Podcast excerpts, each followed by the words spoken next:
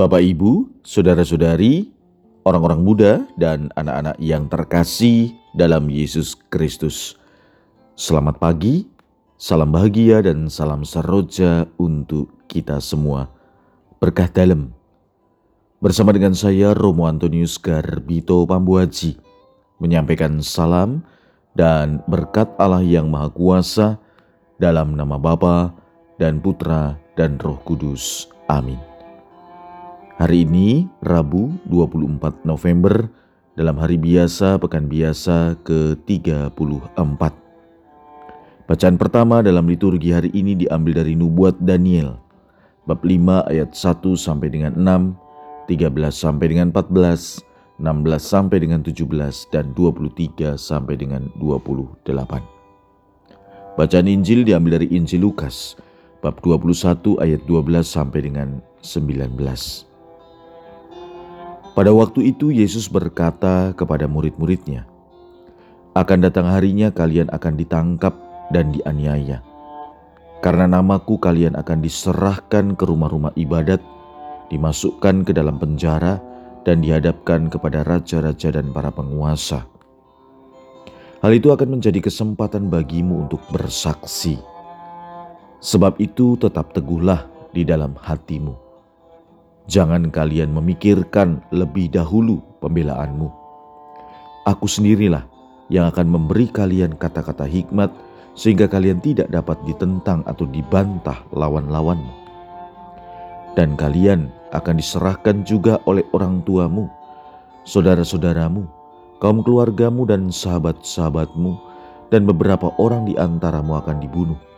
Karena namaku, kalian akan dibenci semua orang. Tetapi tidak selai pun rambut kepalamu akan hilang. Kalau kalian tetap bertahan, kalian akan memperoleh hidupmu. Demikianlah sabda Tuhan. Terpujilah Kristus. Kalau kalian tetap bertahan, kalian akan memperoleh hidupmu.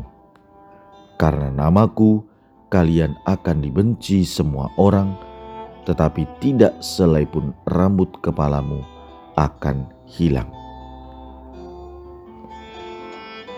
Petikan sabda Tuhan yang baru saja kita dengarkan tentu meneguhkan kita. Meneguhkan perjuangan hidup kita di dunia ini, terutama dalam konteks dunia kita yang penuh penderitaan, penuh perjuangan, tantangan, dan yang juga membuat kita sering kali menjadi takut. Sabda Tuhan hari ini meneguhkan kita. Hendaknya kita tidak perlu takut sebagai murid Tuhan sebab Yesus menjamin bahwa Ia akan selalu menyertai. Yesus mengajak kita untuk mengubah ancaman menjadi peluang untuk bersaksi. Ia mengatakan dengan jelas, hal itu akan menjadi kesempatan bagimu untuk bersaksi. Dan kita tidak perlu cemas karena Yesus sendiri yang akan menaruh kata-kata hikmat ke dalam mulut kita. Saudara-saudari yang terkasih, harus kita akui bahwa menjadi murid Kristus pada zaman ini tidak mudah. Ada saja hal-hal yang membuat kita sebagai masyarakat hadir dengan penuh perjuangan, penuh penderitaan karena kita adalah pengikut Kristus. Banyak di antara kita yang mendapatkan ancaman, banyak di antara kita yang mendapatkan himpitan, entah ejekan, dan lain sebagainya. Apakah hal tersebut membuat iman kita goyah? Tentu tidak. Tantangan dan masalah yang ada dan kita hadapi adalah bagaikan batu asah yang mempertajam iman kita.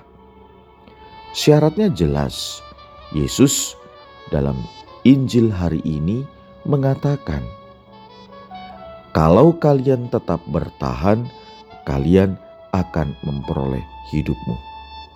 Semoga kita tidak mudah putus asa, tidak mudah cepat menyerah, tetapi belajar terus-menerus untuk setia dan bertahan.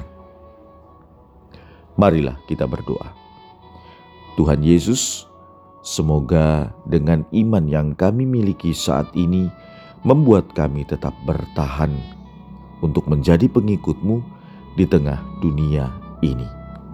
Berkat Allah yang Maha Kuasa, dalam nama Bapa dan Putra dan Roh Kudus. Amin.